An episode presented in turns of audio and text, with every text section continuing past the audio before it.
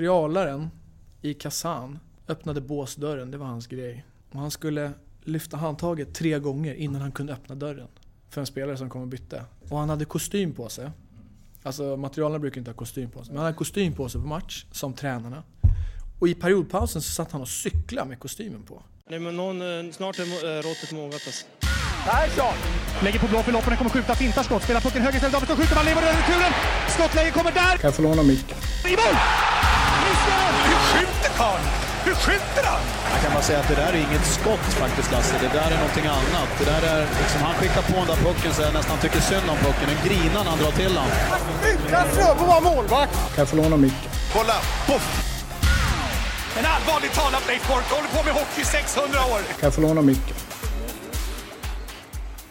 SHL-podden Möter är det här, NordicBets podcast, där jag, Mårten Bergman, intervjuar SHL-stjärnor och nu är det ju mycket, mycket passande Skellefteås Oskar Möller som är gäst.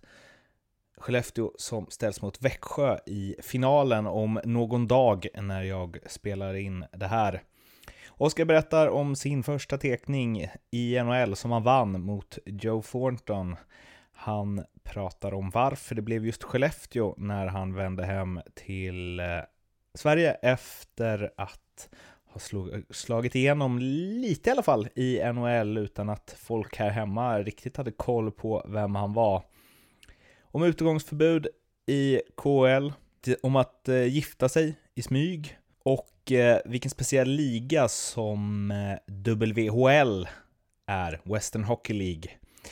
Han pratar förstås också om förra säsongen och hans frus sjukdom och hennes kamp mot tumören där det idag är eh, bra och eh, hela familjen Möller mår fint, vilket förstås är superduper att eh, höra. Han blir också den första i den här podden att eh, rekommendera parterapi till alla er där ute. Eh, allt som allt ett väldigt fint samtal med Oskar som jag eh, verkligen tycker verkar vara en toppenkille. Jag hoppas att ni också tycker det. Nu spolar jag tillbaka klockan till den 6 mars i Skellefteå Kraft Arena. Oskar Möller, mycket nöje. Jag, eh, som jag brukar göra på de här intervjuerna, så gick jag igenom eh, Elite Prospects innan. Eh, min slappa research. Och såg då att du hade blivit Rinkens riddare 2014 eller något. Det är ju alltså priset till den trevligaste av alla spelare. Som jag Vem är det? Är det domarnas pris eller? Jag vet faktiskt inte. Rinkens riddare. Eh, jag visste inte ens att det priset fanns när, när, du fick det. när jag fick det. Eh, jag försöker väl inte vara snäll ute på isen, absolut inte. Utan eh, jag försöker ju spela hårt och så här, och sen så, jag vet inte. Men det är liksom det är motsvarigheten till, vad heter det i NHL? Lady Bing. Exakt. Ja. En gentleman på isen. Ja, nej, men jag försöker väl liksom inte... Jag tror att många spelare har eh, kanske börjat visa lite mer respekt vad gäller huvudtacklingar och sånt. Det är ju ett gott tecken. Men sen så jag är jag kanske inte den spelaren som eh, får för mig att jag ska sätta en sån tackling. Mm. Eh, men som jag sa, jag försöker inte liksom vara någon liten fegis eller någon snällis ute på isen. Absolut inte. Jag försöker ju spela hårt. Mm. Och rejält. Smart framförallt. Det kanske är därför jag inte har tagit så många utvisningsminuter i år. Vad kände du när du fick eh, priset? Vad jag kände? Tänkte du såhär, oh. Vad är det här för pris? Nu måste jag åka och slasha lite, eller crosscheckas. ja, precis. Nej. Uh, nej, för att jag eh, fick alltså, för, liksom förväntningarna på hur trevlig du ska vara höjdes ju okay. enormt i och med att... Genom att när du såg att jag hade, jag hade fått det här priset. Jag är trevlig ändå, även om jag skulle haft 150 utvisningsminuter. Det brukar ju vara så att de är ju trevligast. Ja de precis. Tyler alltså, och Jämtin och de här som Ja, när man har lyssnat på olika intervjuer och, och, och saker med, med sådana karaktärer. Eh, oftast så är det ju det. Tänk att de avreagerar på isen. Ja, det kanske är så. Eh, du, du är ju från eh, Stockholm. Började din hockeykarriär i eh, Spånga antar jag? Jag började skridskoskolan i AIK. Aha, Mm. okej. Eh, spelade ett år som lag där och sen så var det Spånga. Mm. Eh, så det var inte så lång session i AIK men det var väl där, det var där jag började liksom lära mig åka skridskor och, så här och, och spela. Du var... Vänta nu, det här borde jag kolla. Gjorde du 28 mål? vänta där. Gjorde du 28 mål på 24 matcher som 15-åring i J18? Ja, om det står där, jag vet inte. Du måste varit ganska vass? Eller talangfull tidigt? Jag känner mig vass fortfarande ja, nej men jag vet inte, när jag var... Alltså, du, när, jag, när jag var yngre så vart det mycket mål Mhm. för mig. Jag vet inte. Men du öste ju in mål bland liksom, med 18-åringarna när du var 14 till och med. Ja, jag fick hoppa in och spela lite grann, kommer jag ihåg. Eh, 32 men matcher. vi var ju uppe med, jag tror det var i Elita var med J18 i Spånga va? Precis. Det det? 32 matcher, 28 mål, 12 ass. Som 14-åring. Bland 18-åringarna. Står det f- det var 14 då? Ja, 03-04. Är du, du är 89? Ja, ja, Mm. ja det stämmer. Ja, 15 var det väl då. 14, 15. Det måste ju... Eller, Ja, då hade jag en, det var en bra säsong. jag tror det var, var det det året jag fick hoppa in med Spångas A-lag också tror jag kanske? det Mm, nej, det var säsongen efter. Ja. Och där gjorde du, just det, sex mål på sex matcher i division 2. Som 15-åring. Alltså du måste ju haft, eh, det är ju ett råämne som sitter här. Det ser man ju. Ja, nej men eh, nej, det var kul i Spånga där. Alltså jag fick ju... Jag ville ju det och så fick jag ju chansen jättemycket liksom. Mm. Jag tyckte det var kul. Mm. Eh, Det kändes aldrig som någon, någon press utifrån Mm. av någon utan det var liksom frågan, vill du, vill du vara med och spela med I18 eller I20 eller A-laget någon match? Mhm.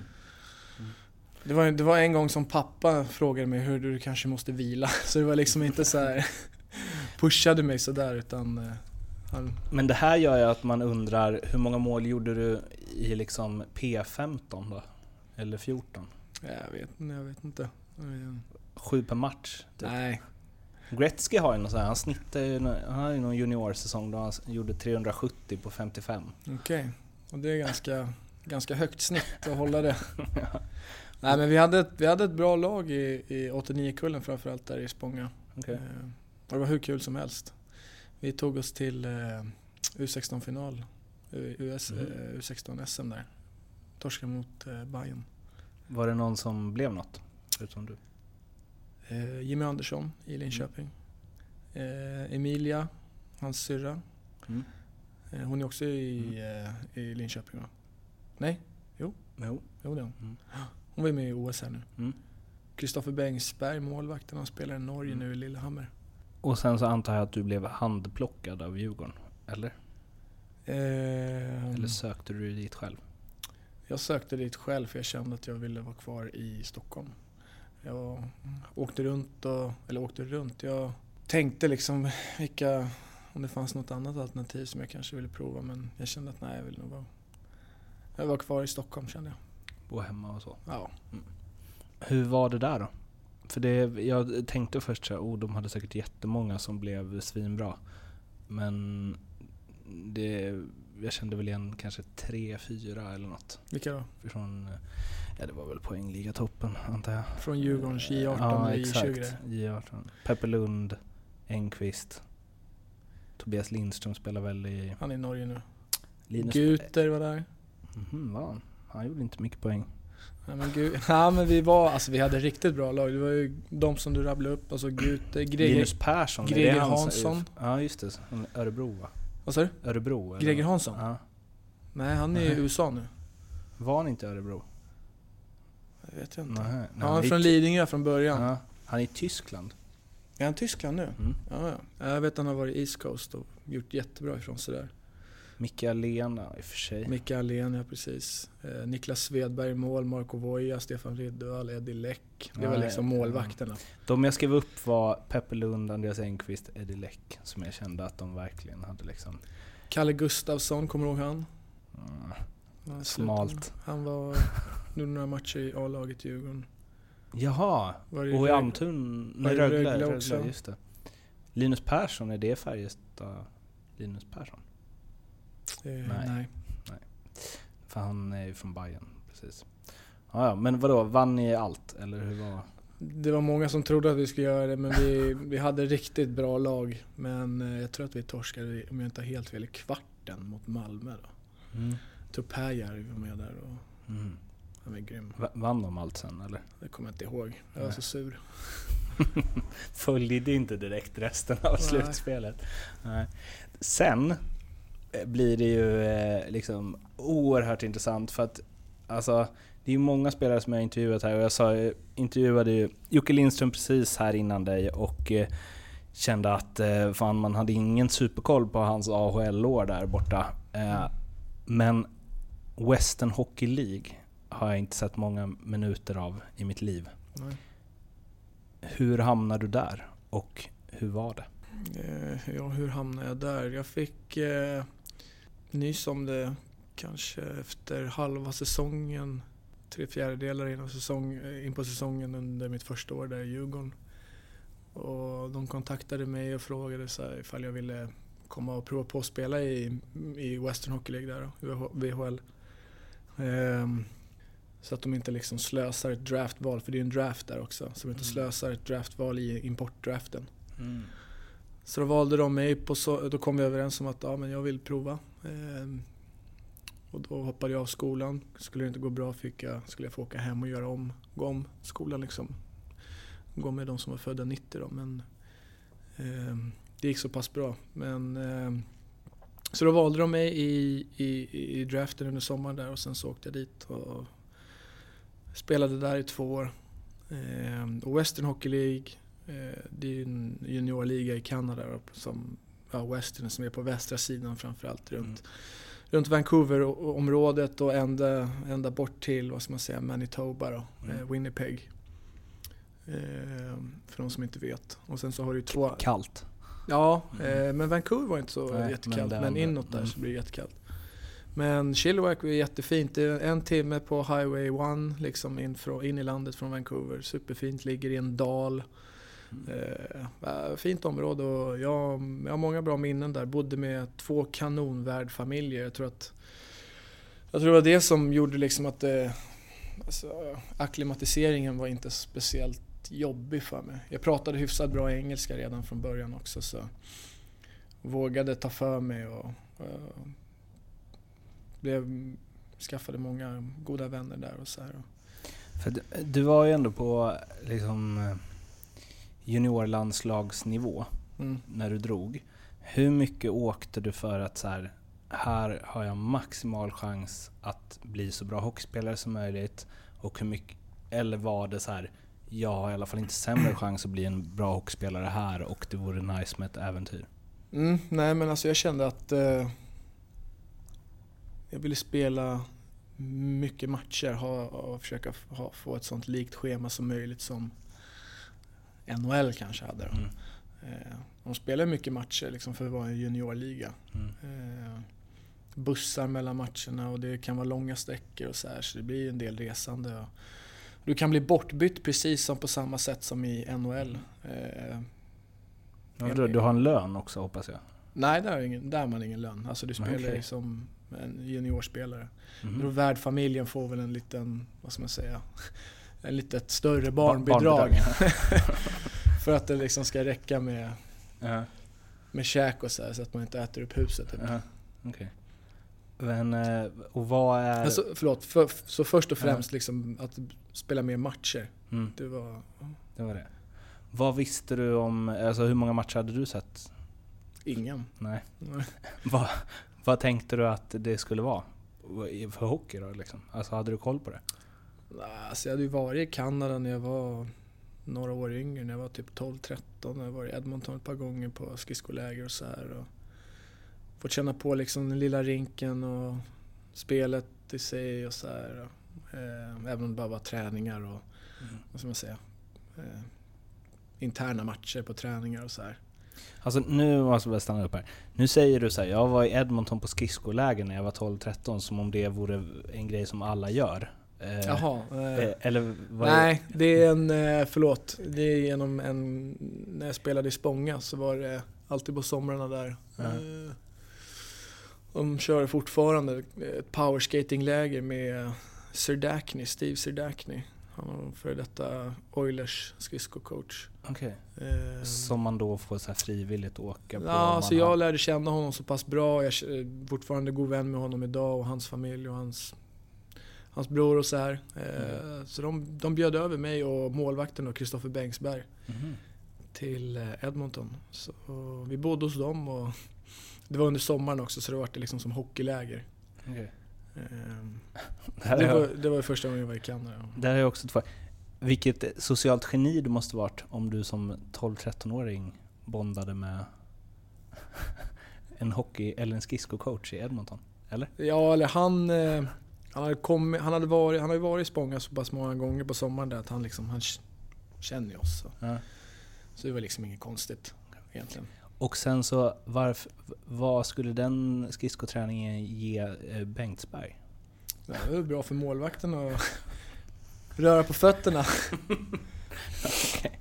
ja. Han är kanske helt grym på grillor. Ja, Bara att är han, ingen får se det. Jo men det är han. Okej. Det var bra. Första målvakten som vinner sån skills competition. Hur är hockeyn då i eh, Western Hockey League? Det, det, det klassiska som många har sagt eh, innan jag åkte dit var liksom att Western Hockey League och så har du Quebec-ligan Mm. och sen så Ontario OHL också. Mm. Det är ju tre ligor. Mm. Men att Western Hockey League var den tuffaste av dem eh, att slå sig fram i och eh, producera och så här. Den var, den var den hårdaste. Mest resor också. Hårdaste i Alltså, det var liksom- fighter och sånt Nej också, alltså men liksom- alltså tuffaste fysiskt, mentalt liksom så här mycket resor och Mm. Det var lite svårare att, lyckas liksom producera mycket där. Mm. Eh, statistiskt sett så ser man ju det. De flesta som har sprutat in poäng kommer ifrån Mm. östsidan oftast. Eh, Var du... ehm, ehm, alltså att du valde det, du var inne på så här, mycket matcher, det är mycket matcher i NHL och så. Var du, hade du målet klart liksom? Alltså var, det bara, jag ska bli NHL-proffs? Ja, alltså det var väl liksom därför också. Det var ju, det är ju det är som ett mini-NHL för juniorspelare. Så det var ju också målet liksom. Mm. Hur, hur, har det alltid varit det? Har det liksom, har du, var du inställd Ja, på det det var liksom du var målet liten? när jag var liten. Ja. Eh, ja, men man hade ju liksom hockeybilder och du vet allt sånt där. Satt Vi upp kommer dit. posters i taket som man låg och kollade på när man skulle somna liksom. Pro-hockey och Ja exakt, pro hockey. hockey. Ja. Ja, man tapetserade rummen med spelarna liksom. Vi- Vilka då? Jag ville ju bli målvakt när jag var jätteliten, men det fick jag inte. Okej. Så jag hade ju liksom Ed Belfour, Ja. Tom Barrasso, Ja. alltså många gamla godingar. Mm. Nej men sen spelare... Plockar du med vänster eller höger? Eh, jag plockar nog med höger. Ja, det det. Ja. Mm. Om jag skulle spela Mm. street hockey liksom. Mm. Nej men så då hade jag spelare, det var väl alltså många, jag gillade många spelare. Mm. Men eh, Detroit var ju, det var ju liksom, de var ju grymma. Mm. Jag hade den här Hockeytown-filmen när de vann 97. Mm. Så den har man ju suttit och nött, alltså kassett, VHS-bandet. Det har gått varmt hemma hos mamma och pappa. Alltså var väl de liksom, Fedorov, Iserman, Moderno var ju grym och alltså Foppa.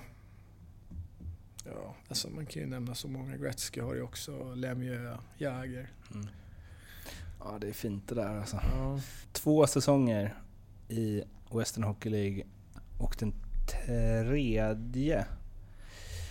Alltså för här står det noll matcher i AHL, men de finns ändå med liksom. Eller det är här, nej, du spelar slutspelet där. Två matcher Mm. för Manchester. Ehm, Det där var precis när jag eh, skrev mitt NHL-kontrakt. ah, okej. Fick jag hoppa in och spela två slutspelsmatcher. Mm, okej. Jag och Bud signade samma dag Mhm. när vi var i Manchester. Mhm. De lyfte in oss från eh, när våra respektive juniorklubbar var klara. Okej. Lyfte de in oss till Manchester där i AHL och sen så skrev vi på NHL kontrakten båda två samma dag. Eh, och sen så, han fick inte spela någon match men jag fick spela två matcher kommer jag ihåg. Men det är lite roligt, så vi har följts åt sen dess. Okej, med alla de här postersarna i taket och hockeybilder och hej och hå. Hur var det då? Och skriva på ett NHL-kontrakt? Eller så här, det måste ju varit helt bara wow. Ja, det var... Jag har så här svaga minnen av att... Eh, jag kommer inte ihåg vem det var, men det var någon som ringde mig. När jag var hemma och sa att... Eh, och förklarade typ så, här, ja, men typ så här, så här och så här kommer kontraktet se ut. Jag fattade ingenting för jag... Jag tror inte jag skulle skriva ett NHL-kontrakt nu. alltså det gick så fort typ. Mm.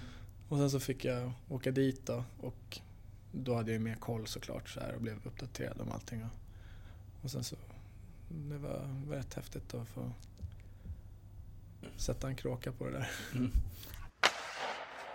Efter det slutspelet, det blev två matcher.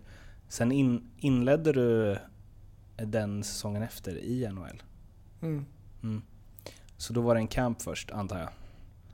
Ja precis, det var ju rookie camp och sen så Mm. var det main camp då, huvudlägret. Och hur var det?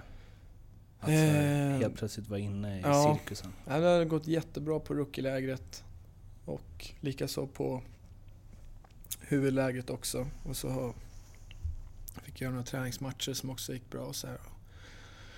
Klubben var väl nöjd med mig och så det kändes bra för mig själv. Och, och så fick jag med från början av säsongen. Eh, och sen så måste de välja efter om det är nio eller tio matcher. Och så här, om, om de ska skicka tillbaka mig till juniorligan eller hå- hålla kvar mig där. För jag var, jag var under 20 fortfarande. Mm. Då är det någon speciell regel. Eh, kan den inte exakt. Eh, om de ska behålla mig eller inte. Eh, men de, de valde att göra det. Och det var mm, hur kul som helst såklart. Var du 19 när du gjorde din NHL-debut? Ja. Mm. Okej, det är ju några år sedan, men eh, om du så här berättar, måla upp, hur var det? Första NHL-matchen? Det var, det var San Jose borta. Mm. Eh, svar, alltså jag har liksom typ ett minne egentligen av den matchen. Två tror jag det var. Fick ta en tek mot Thornton som jag vann. Mm. Första teken. Eh, som jag tog. Och om det var typ första eller andra bytet så, så kommer vi... Jag tror jag spelade med Alexander Frolov och Michael Hansus. Mm. Så fastnar vi ner i offensiv zon och så får de en tre mot en. Och det är första eller andra bytet jag gör. Och det var såhär, åh nej. Men jag kommer inte ihåg var som stod i mål, men eh, målsen räddade så det var, det var rätt tur. Eh, Jag hade kunnat se, vara en annorlunda karriär annars. Ja, men liksom första bytet och så får du en 3 1 mot det liksom. Det är, Men när du någonstans här stod där i, eh, eller var du i första, eller stod du i båset under nationalsång och hej och jo, det gjorde jag. Ja. Alltså när du står där, om du har liksom drömt om det här hela livet och sen redan när du är så här 19, så alltså du har ju verkligen bara. Alltså Mm. allt har gått i den Mm. takt man önskar antar jag. Mm. Hur var, alltså kunde du stå där och bara shit, det här händer? Eller var det bara helt naturligt att du skulle spela i NHL? Nej, det var ju en ruggig wow-känsla såklart. Mm. Eh, sen gäller det ju liksom att bita sig kvar. Nagla sig fast liksom. Eh, men det är klart att det var en ruggig wow-känsla såklart. Man kanske inte... När man har fått tid att reflektera över det så kanske man, inte, eh, så kanske man förstår liksom hur, hur bra det verkligen eh, hade gått fram till dess. Mm. För att det där är ju, eh, jag kan ju störa mig lite ibland, det är väl för att man själv har liksom en eh, oerhört misslyckad idrottskarriär. Men så här, när spelare på din nivå inte så här, eller är lite så här blasé inför eh, grejer som en annan tycker är svinhäftigt. Mm. Så det är skönt att höra Mm. att du tyckte att det var häftigt att spela i NHL. Det är klart jag tyckte det. jag tycker det var ascoolt att spela med liksom Frolov. Han var ju Ja. superstjärna där för Ja. mig. Kopitar och Dustin Brown. Rookieår tillsammans med Drew Dowdy och Wayne Simmons liksom. Det var vi tre Mhm. som var de Jaha. young guns där då. Mm. Jag har någon gammal bild hemma hos mamma och pappa när vi är 19 och 18 där. Vi ser inte snygga ut alltså. Ja, de har ju, framförallt Dowdy har det ju gått. Ja, Sim, Okej för Simmer har också gått ja. riktigt bra för också. Nu blev först i, ja, eller så här, första NHL-målet. Mm. Kommer du ihåg det? Eller ja, Mm. berätta om det, för det kommer Eh. man ihåg. Powerplay. Eh, får en pass från Frolov i fickan, jag står på mållinjen och skickar in en boll. Lite på chans men lite på att ja, försöka ställa målvakten. Det Mm. var Peter Budaj som stod i mål tror jag va? Han var Han var i Colorado då. Mm. Och så går den in liksom under den. Jag tror inte han var riktigt beredd på den. Hemma, Hemmamatch. hur? Jag tror det var match tre. Okej. tre min tredje match tro- tror jag det var. Alltså det, det, du gjorde 40 matcher den säsongen, Mm. 15 pinnar. Eh, var det någon skada? Mm. Jag fick ju åka och spela JVM då. De släppte mig till JVM ah, i... eh, Just det, det kommer jag ihåg att det stod ganska mycket om. Att, Ja, de släppte mig till JVM i eh, Ottawa. Eh, och då spräckte, eller jag fick en fraktur på nyckelbenet då. Mm. I typ sista gruppspelsmatchen tror jag? Ja. Så då spelade jag den, kvartsfinalen, semifinalen och finalen med ett dåligt nyckelben då. Eh, Det gör ju asont. Ja, det gjorde asont verkligen. och jag tror att eh, efter det då så kom jag tillbaka och rehabiliterade och återställ liksom.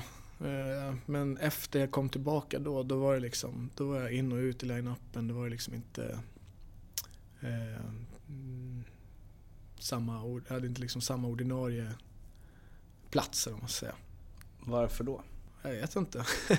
Det var väl andra som hade kommit upp eh, och tagit för sig när jag hade varit borta och så här. Och, och när jag väl var i line-upen så kanske inte tränaren var nöjd med mig tillräckligt. Det fanns inget så här. mm, åh, han, drog dit, kom tillbaka skadad. Alltså det fanns inget så här. Alltså det är ju klart att det är en risk om de släpper spelare sådär som Mm. är ordinarie NHL till JVM. Den risken finns ju alltid. Mm. Samma sak om du släpper en spelare till ett VM eller Mm. till ett OS eller vad det nu må vara liksom. Men det fanns inget så här mot dig att du valde att åka eller så liksom? Eller att du ville åka? Nej, alltså jag sa ju att jag ville åka och så här. Och, eh, jag vet inte hur de... De släppte ju mig så de var ju liksom med på det. Men nu efterhand så kanske liksom, åh shit. Uh, sög att han blev skadad liksom. Men, Mm. Men, men det fanns inget där att du kände så här, oh, hur, hur, vad ger det för signaler om jag vill, eftersom du fick spela mycket liksom? nej, de tycker väl att det var kul att jag liksom representerar Sverige. För, för jag kommer ihåg att det var liksom, det var en hype ju, kring dig. Alltså du kanske inte upplevde det, men i så här, eh, ja men tidningar här och så liksom. För det var ju, du var ju liksom någon som folk aldrig hade sett. Mm. Och helt plötsligt så spelar du i NHL. Mm. Som en av de yngsta svenskarna någonsin. Liksom. Eh, vad kände du, liksom 15 poäng, 40 matcher innan skadan där, så vad kände du att du var på väg då? Jag vet inte, alltså jag fick ju spela andra, tredje, femma och andra powerplay och så här. Och tycker att jag gjorde hyfsat bra ifrån mig och, sen så lär man ju sig liksom hela tiden spelet i sig och så här. Du får ju mer erfarenhet när du ska typ prova att dribbla eller chippa ner den eller dumpa ner den hårt eller Mm. och sånt där. Eh, Men det är klart att jag hade, hade en bra, bra känsla inför JVM, absolut. Mm. Efter den skadan, då... Det blev aldrig liksom det det var innan, eller? I NHL? Du Nej, typ det. inte alltså. Eh, några liksom perioder blev det ju det under de kommande två åren liksom. Året efter så började jag i Manchester i AHL. Mm. Eh, och liksom körde på, jag gnuggade på. Jag hängde inte med huvudet för det utan jag såg det som en möjlighet att få spela om jag gjorde bra ifrån mig och, och visa att jag vill något. Få spela mycket och vara en ledande figur och så här. Och, och det fick jag vara de två åren där. Eh, och sen så vart jag uppkallad eh, flera gånger under långa perioder där också. Mm. Jag splittade väl kanske ungefär hälften hälften. Jag vet inte riktigt. Ja, 34-43. Ja. Mm. De, var det andra året då? Det var första året, andra var 13-59. Alltså det var år två, år tre? Eh, exakt. Ja. Mm. Ehm, så... Jag menar, jag lyckades ju inte slå, slå mig in igen på samma sätt. Mm. Ehm, så det var lite så här bakvänt, om man ska säga. Många börjar ju i AHL och sen så gnuggar man på där och liksom levererar där och sen så får de upp ögonen för det och så får du några chanser och sen så kanske du gör bra där och så får Mm. du fler chanser och sen så till slut så är du ordinarie. Men vad, eh, vad tänkte du, alltså så här, den sista säsongen där borta, du gjorde ju massa poäng i AHL. Men kände du att så här, det här kommer aldrig, alltså jag kommer aldrig få så mycket förtroende och så som jag behöver i NHL? Alltså av Kings liksom. Så de hade ju, de har ju liksom, de har ju riktigt bra spelare skulle jag säga. Mm. Ehm, och slå sig in topp 6 där, alltså det, det var svårt. Ehm, så det vart ju mycket, jag fick spela fjärde femman och spela liksom 4-5 minuter per match och ja, bara chippa in och spela mm, superenkelt liksom. Mm. Men det fick man ju ta. Ehm, men jag kände ändå man, efter säsongen liksom att jag vill ju utveckla liksom mig själv. Jag vill ju vara eh, en, en, en, vad ska man säga, en, en bra, en, lir, en spelare, en lirare liksom som, som gillar att spela offensivt och spela mycket och vara en offensiv spelare skulle jag säga. Och när du lämnade, var det för att du kände att så här, för du, det du säger är, det är verkligen så att de flesta gör ju det tvärtom. Mm. Att man kämpar på. Jag, vad gjorde det med så här, dina tankar? Att bara, men fan, jag, jag tänkte, så här, du har ju redan lite, lite bevisat i NHL. Mm. Men sen så vände det åt andra hållet istället. Vad tänkte du då? Liksom? Mm. Alltså var det kämpiga, var det kämpigt då? De två åren? Ja, i AHL liksom. Nej, alltså vi hade... Vi hade ett grymt lag liksom. Det var kul. Alltså, så det... Mentalt så var det inte liksom kämpigt som jag tror många kanske upplever det. Eh, Men... Och jag fick ju liksom mycket förtroende. Jag fick vara assisterande kapten. Mm. Eh, menar, vi hade spelare som Bud, Mm. eh, Trevor Lewis, Dwight King, eh, Bernier i målet ett tag, Mm. Martin Jones i målet. Alltså jag kan ju rabbla upp flera, många. Jordan Mm. Nolan, jag vet inte, Jake Mussin. Så det var liksom bra det var hockey. bra. Alltså Slava Vojnov hade vi, ryssen. Justin Acevedo som är i Kazan. Vi hade bra lag. Och det var ju kul liksom. Mm. Bra go. Varför eh, flyttade du hem till Sverige? För att kunna utveckla, vilja utveckla mig själv och liksom bli ännu bättre. Offensiv, bra spelare. Det var väl liksom tanken bakom det. Pro- Prova Sverige liksom. Ge det ett, två år, se hur, hur alltså, och sen så finns det möjlighet att kanske åka tillbaka och försöka igen. Bränner man sig lite i NHL när man lämnar så? Det gör man säkert. Eh, och jag tog den chansen eh, och testade att göra det. Men eh, ja, det blev liksom ingen eh, chans tillbaka egentligen. Eller chans tillbaka, det finns ju säkert fortfarande chans om jag spelar bra här och fortsätter och så här såklart. Mm. Men då om man tittar tillbaka så tror jag kanske att de, de vart nog kanske inte så glada. Även om de, de hade liksom mina rättigheter och så här och satt på dem. De ville att du skulle spela i AHL? Eh, Ja, eller AHL liksom försöka slå mig in Mm. i, i, i, eh, i Kings då liksom. Mm. Men de ville att du skulle vara där? Ja, precis. Och fortsätta och skriva ett nytt kontrakt med dem och så. Mm. Men kände väl prova, prova Sverige liksom. För det där har man ju hört några gånger. Att då blir klubbarna så här: okej, men tro inte att vi kommer plocka Mm. tillbaks dig sen liksom. Mm. Ja, ja men alltså. Att man blir så stämplad som Ja. någon som ger upp. Ja, jag, förstår, jo, ja. jag förstår vad du menar men liksom det gäller ju att försöka bortse från det och bara, alltså om du spelar bra nog då kommer de vilja ha tillbaka dig ändå. Mm. Så är det bara. Hur eh, säker var du på att du skulle eh, göra massa poäng i SHL? Inte så säker alls. Jag hade inte spelat en enda match i SHL. Nej. Ehm, Men SHL hade ju liksom blivit bättre de åren som jag hade varit borta. Mm. Från att jag var i Djurgården till att jag eh, kom tillbaka från Nordamerika. Så tyck, tyckte jag att SHL hade blivit mycket bättre, en attraktiv, bra liga. Jag har aldrig spelat seniorhockey på stor rink då? Jo, några matcher med Spångas A-lag. Ja, just det, just det. Just det. Division 2, Ja, det Spångahallen. Eh, Men eh, hur, hur fort kände du att... Eller vad, vad kände du liksom i SHL då, första säsongen? Det gick ju bra. Ja, eh, jag fick spela stora delar av det med, om inte hela, med Oskar Lindberg. Mm. Eh, om jag hade Bud med mig då också på andra sidan. Som forwardskompanjon. Mm. Ja men i princip hela säsongen med, med de två. Mycket. Så det kändes ju bra, det var ju jättekul. Eh, jag tycker vi spelade bra. Synd att vi torskade i finalen där bara mot, eh, mot Brynäs.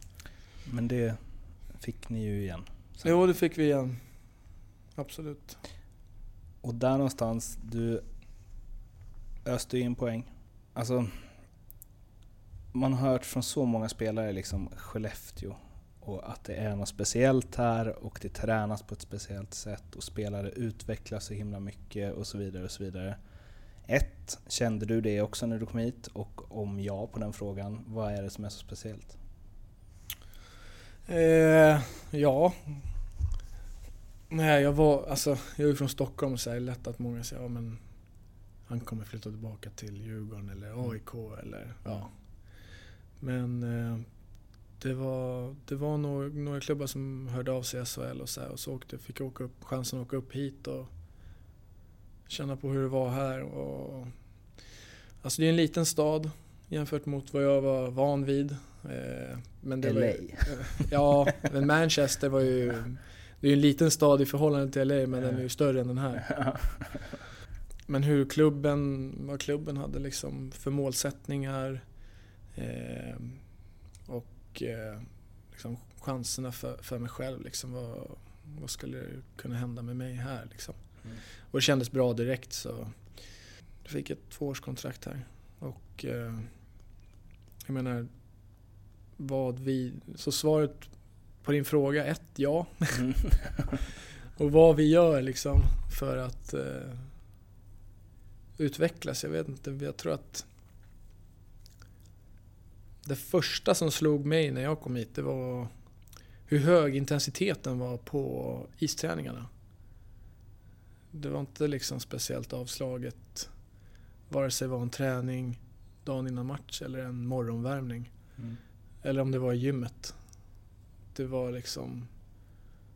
Eh, det var max, maxfart. Eh, max liksom i gymmet. Mm. Hur, hur var det? Det var ju en omställning liksom direkt. Mm. Det märkte man ju. Men sen kom man in i det liksom. Och man berättar ju liksom, när det kommer in nya spelare hit också så förklarar man ju det och de märker ju direkt också. Så här. Sen så vänjer man, alltså, kroppen vänjer sig.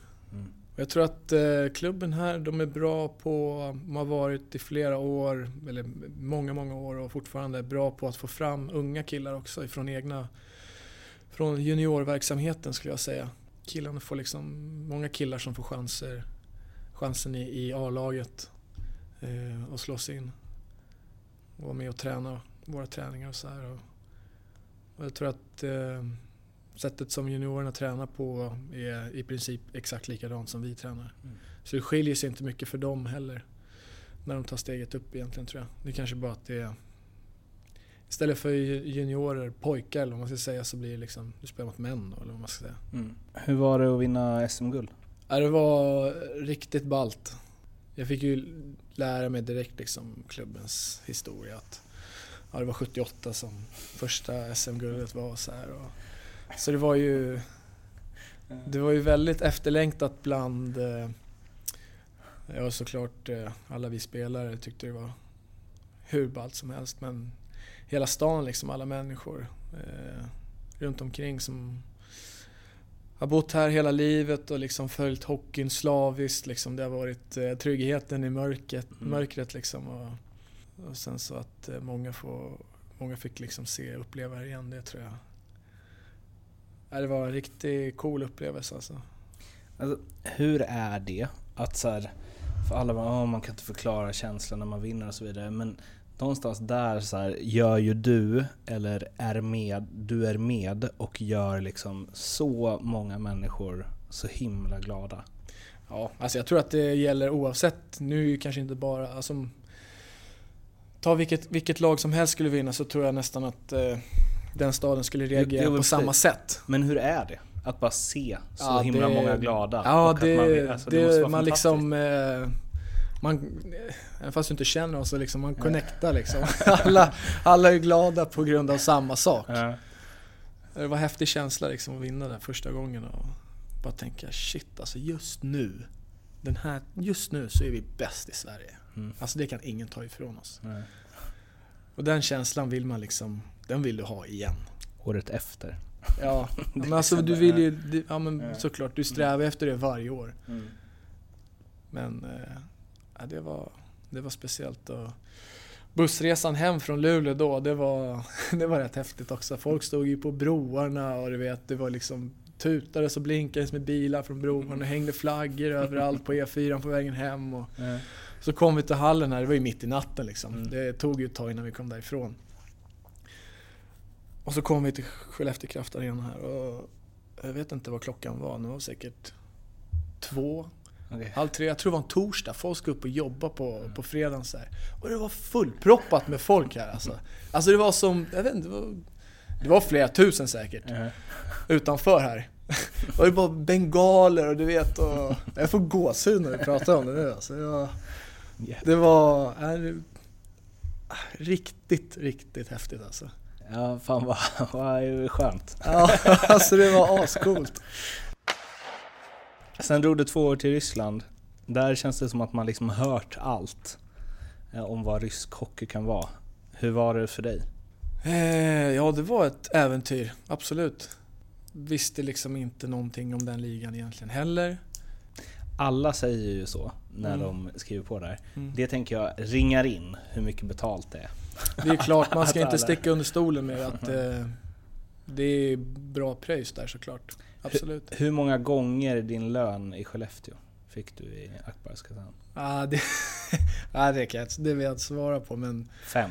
ja, men några gånger mer. Ja. Absolut. Ja, det, var, det var också, om jag tittar nu så här tillbaka och tänker på det, det var också kul. Alltså jag, när jag berättar om det Mm. så berättar jag oftast om roliga saker som hände där. Så lumpen? Ja men typ. Men när man var där så var det liksom Då tänkte man många gånger att det var liksom mycket långtråkigt. Man var själv på hotellrummet och Mm. det var ganska strängt och uppstyrt vad du liksom fick göra och inte göra på typ fritiden och du vet sådär. Och, eh, ja, man skulle liksom hålla sig, man, man fick inte... Man skulle sova på hotell och det var liksom utegångsförbud eller curfew som man kallar det.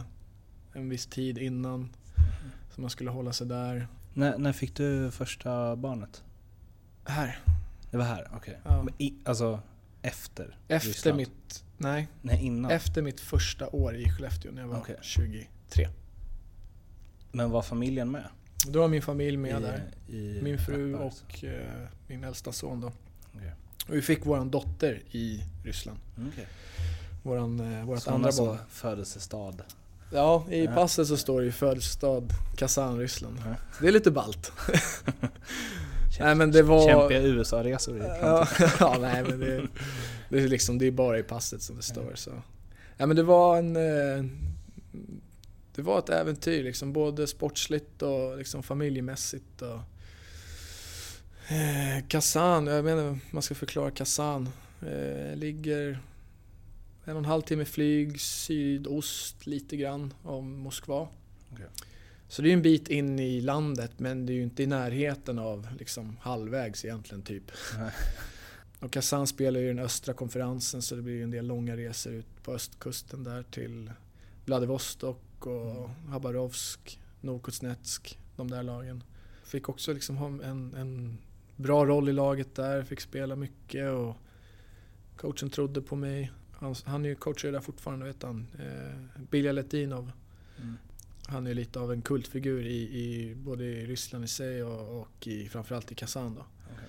Hockeyn var väl lite mer taktisk och defensivt inriktad liksom. Eh, än vad man var van vid. Det var liksom mer komma från att pressa hårt och forechecka hela tiden till att kanske hellre välja det, det passiva valet. Okej. Eh, när du ska gå framåt och inte och så här. Mm. Eh, så det var ju lite nytt i början. Men sen så kom man in, man, man anpassar sig ganska fort ändå. Så. Gick ni till final? Ja, vi hade ett bra, vi hade ett riktigt kanonår. Vi hade bra lirare. Återigen, vi hade bra spelare, vi hade riktigt bra backuppsättning. Vi hade Vladimir Denisov, vitryssen, vi hade Nikulin. Ilja Nikulin, Evgenij Medvedev. Målisar hade vi ju Anders Nilsson. Men jag måste fråga om han som vann interna poängligan det året. Justin Acevi- Acevedo. Acevedo ja. Aldrig talas om förrän jag gick igenom det här innan. Mm. Om po- portugis. Ja, halvportugis. Och kan, mm.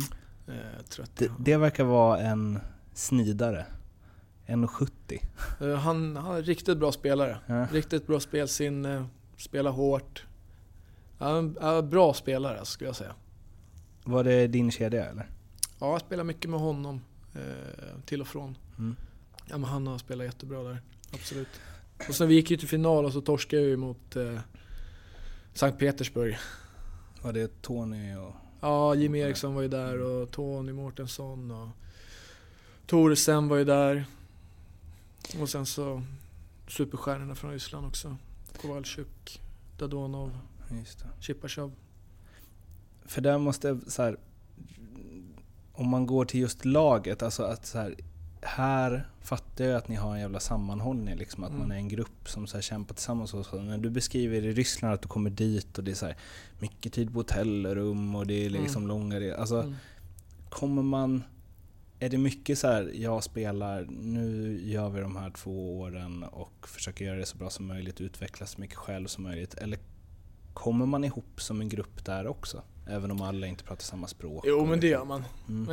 Eh, de lagen som tar sig långt liksom, då ser du stora tenden- tendenser och de gör ju det liksom, skulle jag säga. Mm. Jag kände att eh, eh, Sen kanske jag liksom var, vad ska man säga, eh, lärde känna vissa ryska spelare bättre än andra såklart. Mm. Eh, en del kanske inte vågade prata, prata lika mycket engelska som en del andra ryska spelare gjorde. Och jag försökte ju liksom lära mig lite ryska också för att Mm. kommuni- kommunicera och, Få höra. och sådär. Så, nej men jag tror att jag... Säg Oskar Möller är en riktigt bra hockeyspelare på ryska. Eller säg jag borde få spela powerplay. Jag borde få spela powerplay. nej det kan jag faktiskt inte. Du Det är, fick bara, det, är bara, så hop- det är bara hoppa in på isen. Fan väl ropa av en. Ja, du, man hör ju, du, det är bra kling när du uttalar de ryska namnen ju. Ja, jo det. men alltså jag... Det var liksom lite... Alltså ett nytt språk, det är liksom kul. Engelska liksom, det var jättekul liksom för att Mm. lära sig att prata det flytande. Det har man ju nytta av liksom varje dag här. Mm. Resten av livet liksom. Och, men att få lära sig lite ryska, det var också så här, det var en, en stor utmaning för där kunde man liksom ingenting innan. Nej, Men eh, till slut så man kunde göra sig förstådd liksom. Man ville ha en... Fråga någonting i mataffären eller Mm. beställa någon maträtt eller någonting. Hoppas de värvar någon ryss hit. Får du Ja, styla lite. eller hur? Vem var det som Det berättade var väl det? Det var någon eh, som... Kabanov var det här. Just det. Men fasen det var någon jag intervjuade här som berättade att han hade gått till ett lag i Ryssland med bara ryska spelare. Och sen efter tre veckor så kom det fram en snubbe i omklädningsrummet, eller liksom en av lagkamraterna, kom fram och började prata svenska med honom. Då visade det sig att han hade växt upp i Sverige för hans farsa hade lirat i så här Tingsryd eller något. Okej. Och han hade bara suttit helt tyst i Vilken tre chock. veckor. Ja, verkligen. Ja men kanske är sån nervositet liksom, Ja. kanske inte vågar eller man, man kanske inte tror att man pratar bra nog. Alltså, jag pratar ju säkert riktigt dåligt om de liksom får lyssna på mig. Ja. Men de fattar ju vad jag säger. Men jag tycker att du direkt får respekt bara för att du ens försöker. De, de liksom. uppskattar ju det Mm. liksom. Du visar ju liksom att jag vill, jag vill liksom... Jag kan, vad ska man säga, anpassa mig. Jag vill anpassa mig. Mm. Var det givet att gå tillbaka till Skellefteå? Eh, ja, det var det för mig. Eh, För jag tänker ju förstås här, Djurgården, Stockholm. ja, nej, men det, det, var, det var givet för mig. För när du gick till Skellefteå första gången så läste jag något citat om att du sa att du besökte HV och Linköping. Ja, Ja. ja, det var fler klubbar än de bland Mm. annat. Och så här, så. Men nu var det bara Skellefteå eller? Ja. Var ju liksom... Det var som var en bas här, Mm. vad man ska säga. Och eh, på det temat då, hur mycket Skellefteå har du blivit? Vi har fått vår äldsta son här, till exempel, och vår yngsta dotter. Vi har tre barn, två av dem är födda här. Jag och min fru eh, gifte oss, eller vad man säger, i eh, stadshuset här. Mhm. I smyg, eller vad man ska säga. Mm. Så vi har inte haft något så ordentligt bröllop. okej. Eh, Så det gjorde vi här. Jag har sagt det förut någon gång att eh, typ den vuxna delen av livet har varit här för oss. Mm. Och alltså, jag har inte bott i Stockholm sedan jag var Nej, just sjut- det. 17. Och det finns inget så här att, att längta hem? Ja, alltså det är väl liksom eh, barndomsvännerna som man försöker hålla kontakten med och så här. Och Mm. Mamma och pappa bor ju där nere och, och hela, min, hela min frus släkt bor ju nere i, i Stockholm också. Mm. Hon är uppvuxen i Vällingby. Så hon har ju släkt i ja, samma område som jag har i princip. Men det här är hemma liksom? Ja, där är hemma. Det är väl Mm. lika mycket hemma för för Bad just nu också om man ska säga.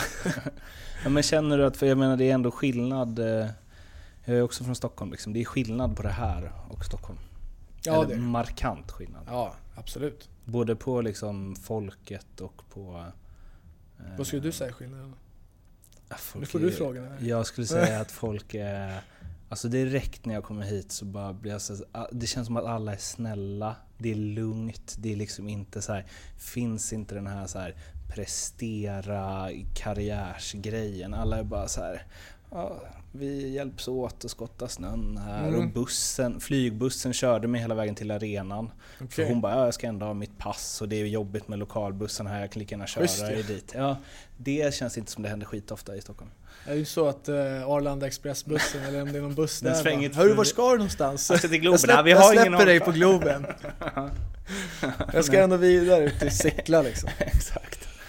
Uh, jag tycker eh, att det är mycket chill här. Ja. Men jag kan ju också tänka att så här, eh, eller jag har bott i Kalmar själv. Mm. Eh, det är väl lite större än Skellefteå. Men jag fick panik efter två år. För att man bara... Det är liksom, man träffar samma folk hela tiden. Mm. Ska, ska man hälsa? Om man Mm. hälsar ska Mm. man stanna och prata. Och då Mm. var jag ändå inte ett igenkänt ansikte som Mm. du är liksom. Mm. Nej men alltså det, det är också, alltså, det är hur man är som människa och person tror jag liksom. Om man har lätt att anpassa sig eller vad man tycker om att göra eller hur man är liksom. Men hade du kunnat spela här är ju- här resten av karriären? Hade du kunnat spela här resten av karriären? Om jag hade kunnat göra det? Mm. Ja, alltså om, det går bra Mm. och klubben liksom ger mig förtroende så why not? Eh, men då finns ju säkert andra Inte. som kanske rycker igen. Men det får man ju ta ställning till Mm. vid sådana tillfällen. Hade du kunnat bo här efter karriären? Ja, alltså vi har ju ett, vi bor ju i ett hus här nu så. Ja, alltså det känns tryggt för... Det känns tryggt att ha tre småbarn här kan jag säga. Mm. Alltså, Det förstår jag verkligen. Min äldsta son, han är fem, han tar på sig grejerna själv och så går han ut liksom. Vi har skogen på baksidan och så har vi, vi bor i ett ganska lugnt kvarter. Och längst in i kvarteret också, så de som kör bilar, det är de som bor där i princip. Mm. Och jag menar, vi har ganska stor, vad ska man säga, framsida av vårt hus. Och vi ser, det är ganska långt fram till våran väg. Så. Mm. Och vi har en jättestor altan som nu är perfekt, för nu spelar han hockey där och skottat ordentligt så, här, så Alltså det är lugnt. Och så på sommaren, då är det bara, då är det bara att hålla dörrarna öppna. Han spelar hockey på er altan. Det är Ja, en liten rink eller? ja alltså det är många som spolar egen is här alltså. Det Ja, men det är det? Ja, ja, på Aha. baksidan. Okej. Eh, Det, är- det är flera stycken som jag känner som Aha. Men eh, vi har inte kommit så långt än. Nej. Eh, jag vet inte om hur det blir med gräsmattan då, om den, om den pajar liksom när, när det blir vår och, och det smälter och så här. Men eh, nu på vintrarna försöker vi hålla altanen, vi har ganska stor altan nu, typ de två delar, men ena delen är väl typ 90 kvadrat eller någonting så, som rektangulär. Så det blir som en liten hockeyplan som man kan springa runt på om man skottar upp ordentligt. Det är som eh, Henke Lundqvists balkong i New York. Den är också 90 kvadrat här för mig. Ja, Jag såg ganska några- bra size på en balkong. Ja, det får man säga. Den går liksom runt skyskrapan. ja men precis, det är, ja, det är skilda värden men sa, samma storlek. Nej men jag, det jag var ute efter var mer så här, har du fått ett, liksom, ett Skellefteå-hjärta? Alltså, brinner du... Eller så här, du, att det var så givet att gå tillbaka hit och du har liksom haft dina mest framgångsrika år i karriären här. Mm. Jag tänker Ja, att det hade- skapar band liksom. Ja, nej men alltså jag hade tre år kvar blev det på ett långt kontrakt som jag hade skrivit med dem. Mm. Eh, så jag hade ju liksom inget annat val egentligen. Och det var inget dåligt val. Men du signade fem? Fyra år. Fyra. Mm. Så jag spelade ett, och sen så två år i Kazan och sen så tre år här. Hur Det här blir- nästa år blir hur, tredje hur, hur funkar den grejen? Att så här, kontraktet pågår? Hyrde de dig eller? Kazan? Nej, Eller, de, vad ska man säga, de köpte loss mig från Skellefteå. okej. Och sen så, Så fick jag, och så fick, ja, precis, så fick jag förlänga kontraktet. Okej. Ehm, Ja, ja. ja, då förstår jag att du inte snackar med jättemånga andra klubbar. nej. Vi ska snacka lite om eh, förra säsongen. Du har ju Mm. pratat ganska mycket om det. Jag har inte lyssnat på när du gästade Norrans Hockeypodcast, heter den va? Eh, Men jag läste lite citat därifrån. Ehm, Till att börja med eh, så eh, Ja, vi kan ju dra backgrounden för er lyssnare om ni inte har koll på det. Men din fru fick en hjärntumör va? Ja, det stämmer. Som ni... Jag har läst något, är det, det är helt bra nu?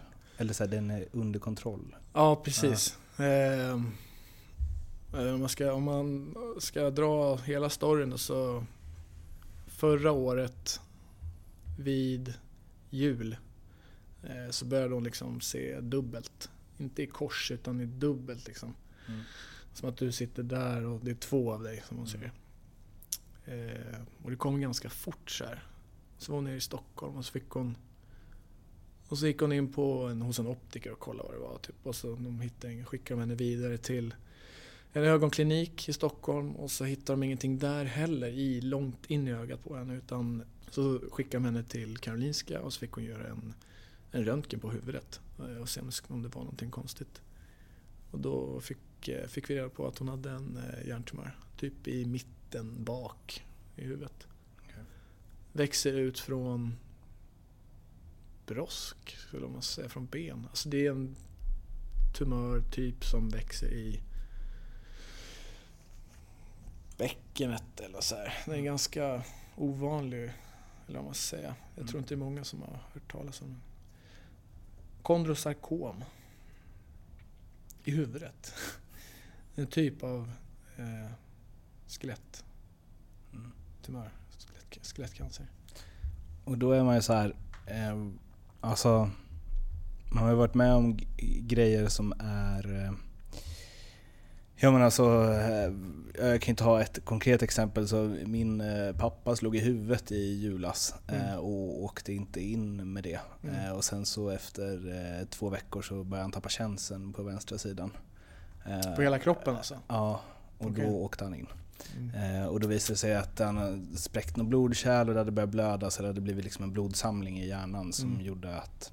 Så de fick ju borra hål i huvudet och tömma på blod och så och det Mm. lät så jävla casual liksom. Mm. Men eh, mm, alltså så här, samtalet från sjukhuset är ju, eller jag var ju svinorolig tills han Mm. var hemma Mm. igen. Liksom. Och där varje dag och bla bla bla. Och mamma försökte så här, det är lugnt Mårten, de kommer... men super, super nojig. Eh, och det är ju liksom en miljondel Mm. av en eh, tumör i hjärnan. Ja men det är ju en ganska allvarlig incident det där också, absolut. Jo. Eh, Men alltså det, det läskiga liksom, det var ju liksom innan hon opererades och liksom allt det där efter. Eh, var man ju såhär, shit, kommer hon, liksom, kommer hon leva nu eller kommer hon dö? Kommer det bli jag och mina kids bara liksom? Och, vad kommer hända? Liksom innan man har fått liksom, ja, så här är det och så här kommer det gå. Typ. Men nu vet man ju kanske inte heller liksom. Mm. Men nu är det ju som, som sagt som du sa innan, nu är det ju under kontroll. Men då, då var man ju... Som närstående så blir det jättejobbigt. Och hon kanske upplevde det ibland att nej men Oskar kom igen nu, skärp dig, det här klarar du liksom. Hon var superpositiv till det. Alltså det var liksom... Mm. Även om hon hade, hon hade sina dippar såklart också. Hon Mm. skulle bara, men det här är lugnt, alltså jag kommer klara det här. Mm. Och så opererades hon i slutet av januari så hon fick ju tid väldigt snabbt. Och jag tror det var dels därför att hon var ung men framförallt för att hon var gravid med våra tredje barn. Mm. Så då fick hon tid snabbt. Det är vad jag tror. Eh, Jag har inte fått något svar på det. Men så opererades hon och eh, ja, men det var ungefär samma sak som du sa. De borrar in i huvudet. Eh, Och de, har ju, de sitter ju inte liksom, jag, vet, jag, tror, jag tror inte att de sitter manuellt med handen. Utan det är liksom statiska verktyg som in och ut och skär och så här. Så de fick bort eh, stor del av tumören. Eh, men de var tvungna att lämna liksom små rester, tumörrester kallar de det för. Det låg ganska nära Eh, förgreningar av kroppspulsådern och eh, synnerven.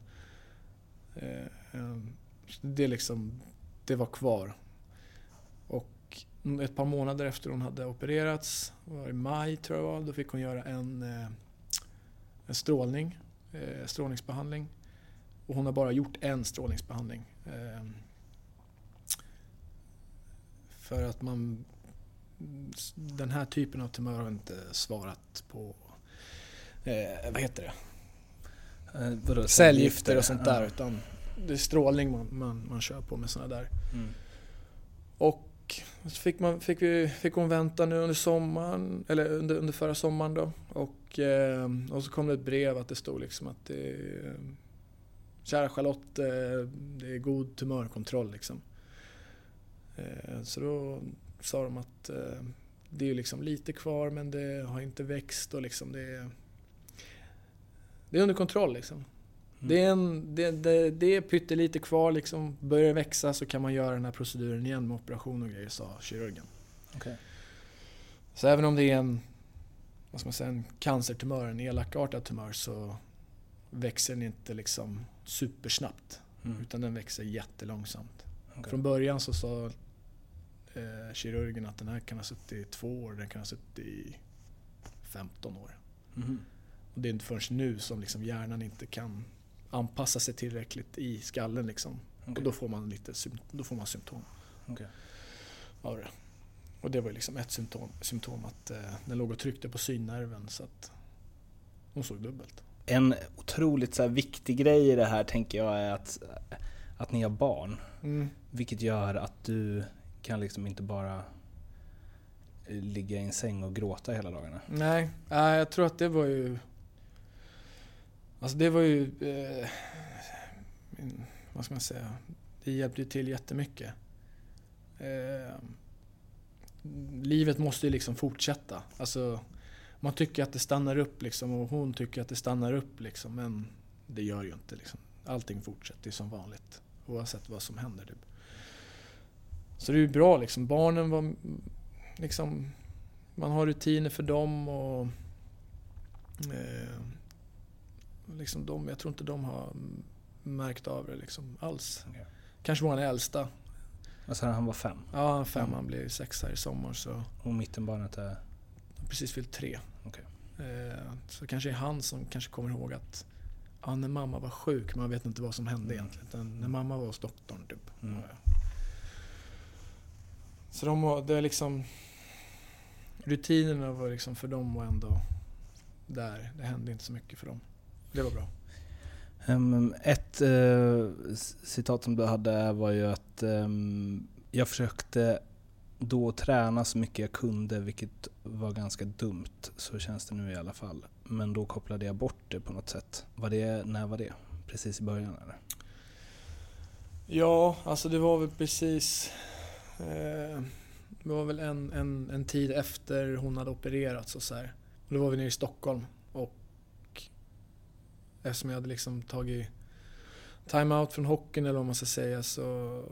Jag vet inte, eh, som jag sa när jag var inne på det som närstående, att det, det kom ju som en chock liksom. Eh, liksom försöka bearbeta det på, på mitt sätt. och var och försöka liksom frustration och man tycker liksom att det är orättvist att, hon, att det ska hända liksom min fru och så här. Och, eh, så då försökte jag liksom hålla igång och träna. Eh, ja, men som du säger, som du läste där, att, eh, att då kändes det bra men det, nu kanske man tänker så "Jaha, jag kanske inte... Eller jo, alltså det kanske var mitt sätt att bearbeta det på. För en grej som man hör ganska ofta från liksom idrottsmän och kvinnor när de är med om något sånt jobbigt att så här, men när det väl är match eller när, alltså då så här, att det nästan blir som att vila för att man kopplar bort det liksom. Du tog ju en timeout Mm. eh, och jag antar, eller så här, det tänker jag, eller så tänker jag alltid så här, varför tar Alltså jag har så många gånger som jag har läst om när jag tänker så här, varför tar inte den här personen en timeout? Eller så här, varför fortsätter den spela? Eller gör ditten, eller gör datten? Alltså liknande, som har Ja, varit med om liknande Ja, grejer? fast även så här mindre grejer än så här. Okej. Där jag tänker att man Ja. bara, att man kanske ska tänka så här hur man mår mer än att så här fly det genom att spela hockey eller spela fotboll. Liksom. Mm, jag vet, hockeyn blev ju liksom väldigt liten perspektiv jämfört Mm. mot eh, vad som hände liksom med, med, med Charlotte och, och vår familj och så här, vad, vad, vad som hände just då. Eh, men en del kanske känner att de måste koppla bort det, annars så går de ner sig helt och så här. Och jag menar, jag kunde ju vara ändå vid hennes sida men ändå bearbeta det på mitt sätt, mitt sätt genom att eh, kunna träna liksom och, Mm. och ja, fysträning och, och sådär nere i Stockholm under den tiden. Det som så här, vi har pratat om fram till nu, hur du så här hela tiden har, alltså att du hela tiden brunnit så mycket för hockey. Eh, och så här, när något sånt här händer eller något ännu liksom, något som inte är lika allvarligt, det kan ju vara mindre saker än så liksom, som gör att så här, livet stannar. Alltså att man bara, jag, jag skiter i allt förutom Mm. just det här. Mm. Eh, vad har det gjort med dig och liksom, vad har det gjort med Ja men med så här, vad ska man säga, med hockeyspelaren Mm. Oskar liksom. Mm. Ja, jag förstår vad du menar. Det kan ju varit liksom gånger efter det här nu som liksom jag har spelat en skitmatch till exempel.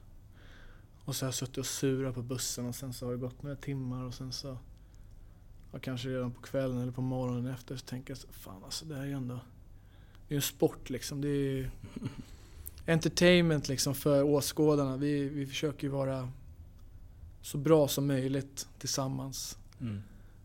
Men det är ju en sport, eller vad man ska säga, i grund och botten. Eh, Det är inte... Det är inte ett krig, ett riktigt krig. Nej. Eh, Som Där folk används dör. till och från i Ja, som används precis Mm. som, för att uttrycka sig inom sport såklart. Men du förstår vad jag menar. Mm. Det,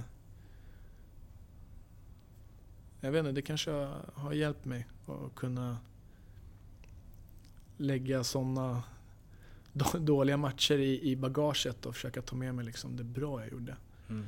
när jag går vidare med hockeyn. Liksom. Och också jag tänker att de här perspektiven gör, alltså flera som jag har intervjuat i den här podden som både i podd och även när vi stängt av, att man pratat om så här prestationsångest. Att det är många som har det liksom, Mm. eh, på elitnivå. Mm. Eh, Alltså, jag tänker att man så får perspektiv på vad som verkligen, alltså så här, att jag gör en dålig match är inte hela världen. Nej, alltså det är klart att... Eh, Även om jag förstår att sen när man väl är där inne vill man vinna till 1000% Ja. och så vidare och så vidare. Men så här, sen när du kommer hem till din familj kanske du bara, alltså, nej, då... Det är lugnt. Ja, men då... Du lägger det åt sidan då när du kommer hem och framförallt liksom för mig som har tre små barn. Mm. Eh, det går inte att grotta ner sig liksom när de kommer hem och bara ah, pappa, kolla, kolla mina nya solglasögon. Kolla min, eh, kolla min frostklänning. Du vet sådär. Då försvinner bara, nej, pappa ja, precis. förlorade precis Ja. mot Örebro. Så. Liam, såg du min indianare? Den var inte bra alltså. Nej men jag, jag, jag det, Man får Det är bra, man får fokusera lite på andra saker då och då försvinner de dåliga tankarna. Och så kan man reflektera över det bättre dagen efter kanske. Du och eh, Charlotte, heter Mm. Alltså, jag förstår att man så här, eh, när man är tillsammans och har barn eh, är tajta.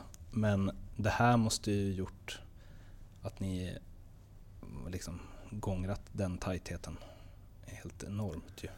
Ja, ja, alltså när man tänker på det nu liksom, nu har det ju gått en tid efter. Eh, Det var ju svårt att känna så liksom direkt efteråt. När man var uppe i allt som hände innan, under och efter liksom. Mm. Men nu när det ändå har gått eh, ja, lite mer än ett år liksom. Ja, det tycker jag absolut. Eh, Man får gå liksom i parsamtal, terapitimmar tillsammans och prata om grejer och så här. Och det tycker jag är superbra liksom. Det kan jag rekommendera alla, även sådana som inte har varit med om eh, udda upplevelser liksom. Mm. Det är skönt. Eh, och liksom prata av sig, prata med varandra, om varandra. Bra saker, dåliga saker. Eh, så ja, alltså. Det har tagits till en ny nivå absolut efter det här. Det ska jag säga. Alltså parsamtal, det är extremt långt från machokulturen som man så här verkligen tycker om eh, gärdar hockeyn.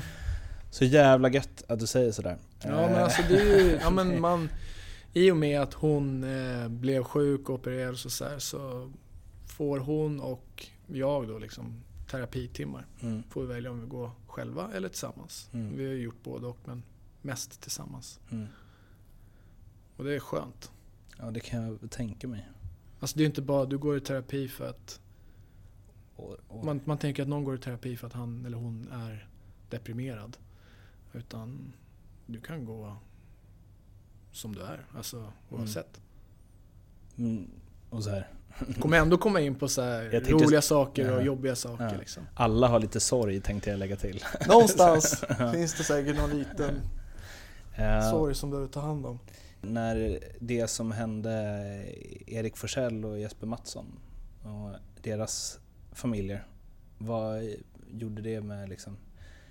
eh, Eller jag tänker mig att det träffar dig också. Liksom. Absolut. Och att det händer liksom...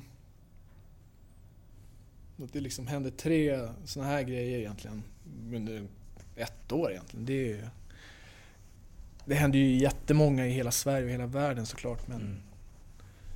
hockey, hockeyvärlden och SHL liksom, att det händer där. Eh, ja, alltså det är ju tråkigt såklart. Och man känner ju liksom att eh, och framförallt med, med Forsell då, som vi känner lite sen tidigare. Han har ju spelat med honom och så här. Att det drabbar, och med, med Jesper Mattsson då, eh, att det drabbar deras barn. Alltså det är ju så här. Åh, varför inte mig liksom? Då Mm. tänker man ju då. Har ju säkert de tänkt också. Mm. Och eh, det är fruktansvärt liksom. Man, eh, alltså du vet ju inte vad som kan hända liksom. Man, det är lätt att tänka liksom, ja, men såna här grejer läser man om i, i eh, dagstidningarna bara. Eller man hör om någon som har någon kompis som känner någon Mm. som det har hänt någonting med. Det är typ som så här flygkrascher. Ja men sådana grejer liksom, att det inte ska hända än liksom. Men saker och ting kan hända. Den, som står dig närmast eller dig själv liksom, så gäller det bara ha kul.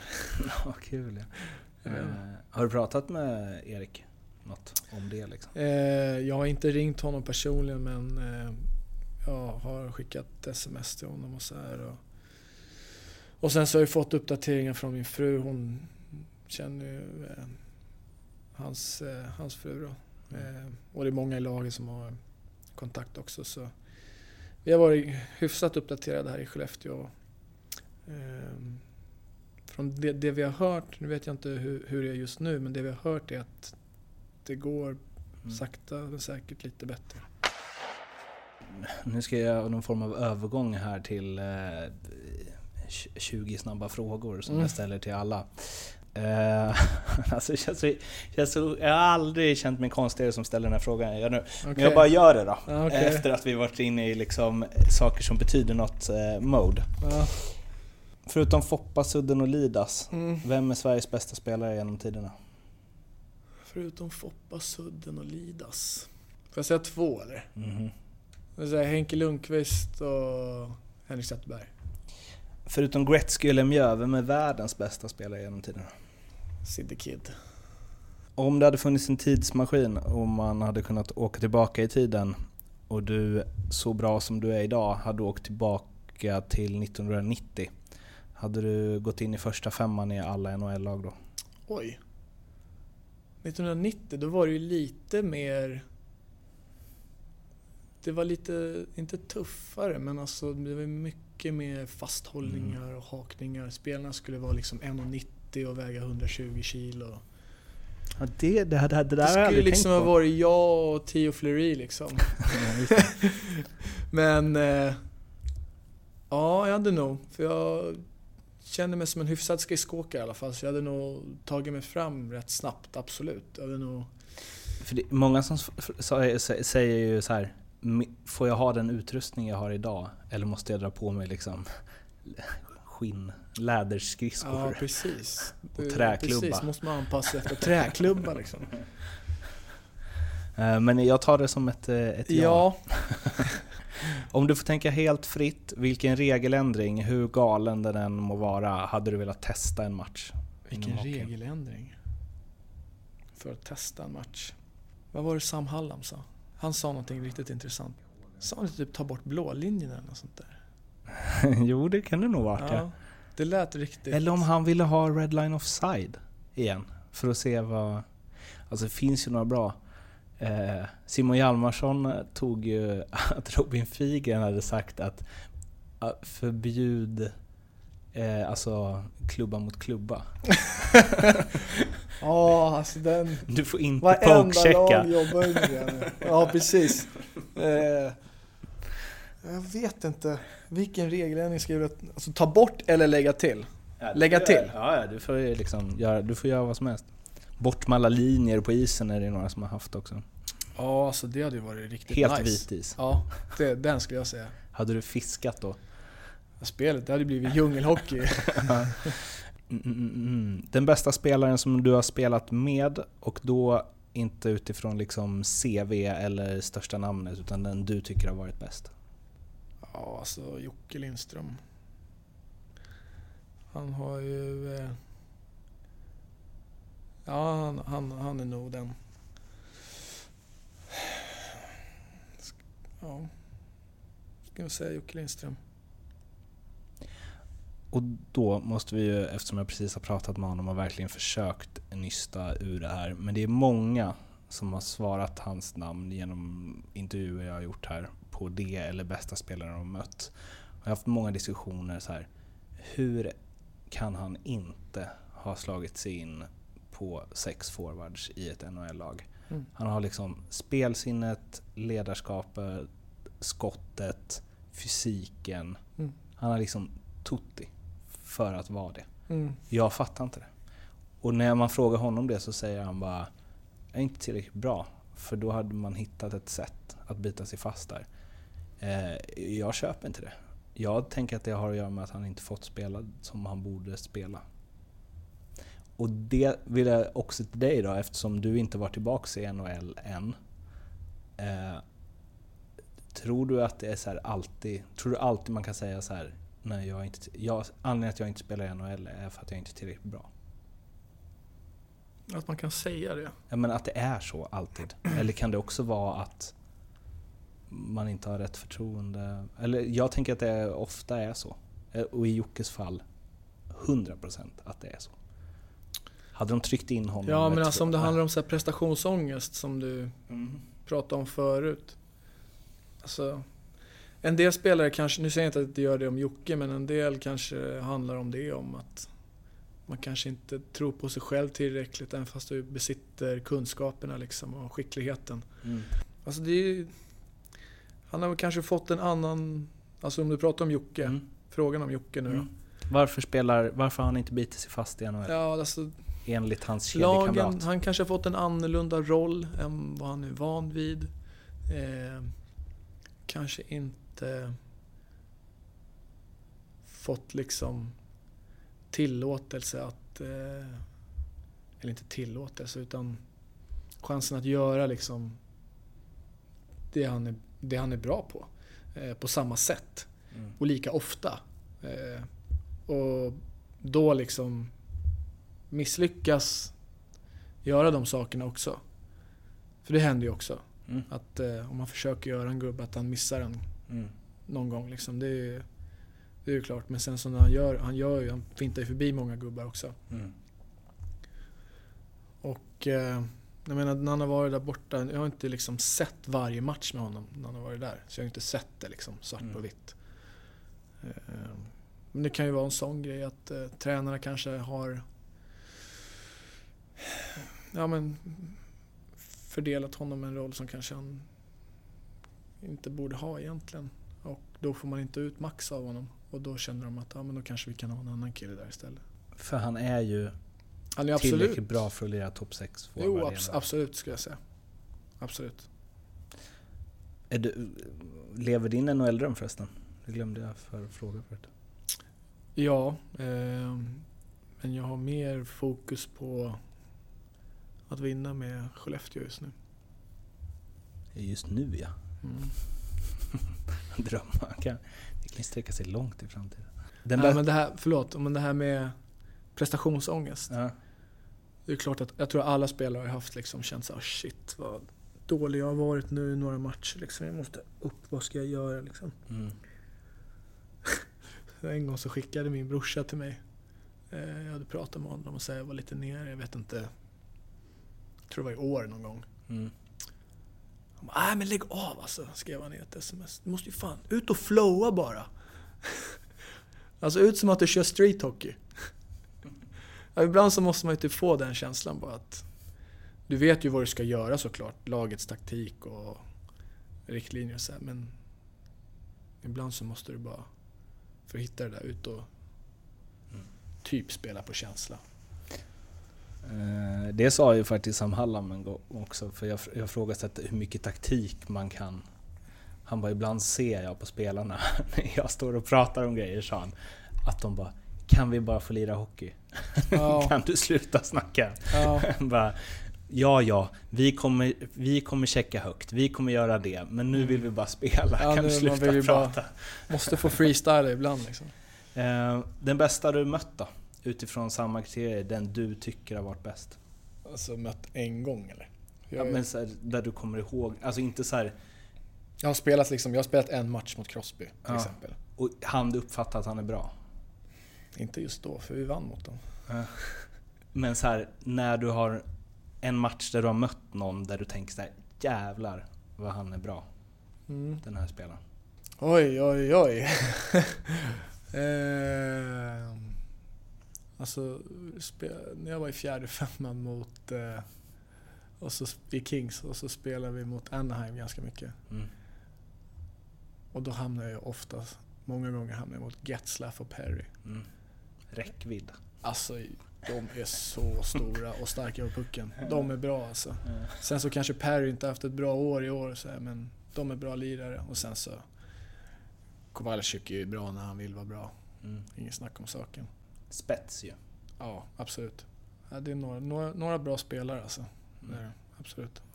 Den bästa tränaren eh, du haft som betytt mest för dig? Bästa tränaren? Som, eh, jag brukar tänka ganska mycket på det. Juniorcoach-tränaren jag hade i eh, Chilliwack i VHL, Jim Hiller. Tror han är med Babcock i Toronto, Toronto, just nu. Ja. Du får göra lite research, jag kan Mm. ha fel. Mm. Han lärde mig ganska mycket grejer. Eh, han var hård men rättvis och hyllade... Jag tror han innerst inne han, han hyllade det, det som vi var inne på lite. Spela med känsla även fast Mm. det var riktig, riktlinjer i spelet. Mm. Lärde mig lite finesser och så här i forechecken när man ska hämta, alltså, ta pucken av motståndaren eller Mhm. lite sådana grejer. Som jag även använder liksom Nu. nu. Eh, den bästa lagkamrat du har haft utifrån hur man tycker att, eller hur du tycker att man ska vara i ett lag och i ett omklädningsrum? Alltså det behöver liksom inte vara din bästa kompis. Ja. Utan, Alltså någon som är riktigt rolig som man vill ha omklädningsrummet, det är Johan Fransson. Ja, alltså vilket guldkorn att ha i omklädningsrummet. Gött. Du måste nästan intervjua honom. Okej. Alltså. Eh, han är rolig alltså. Det kan, alltså vem Vad fan som, lirar du med honom?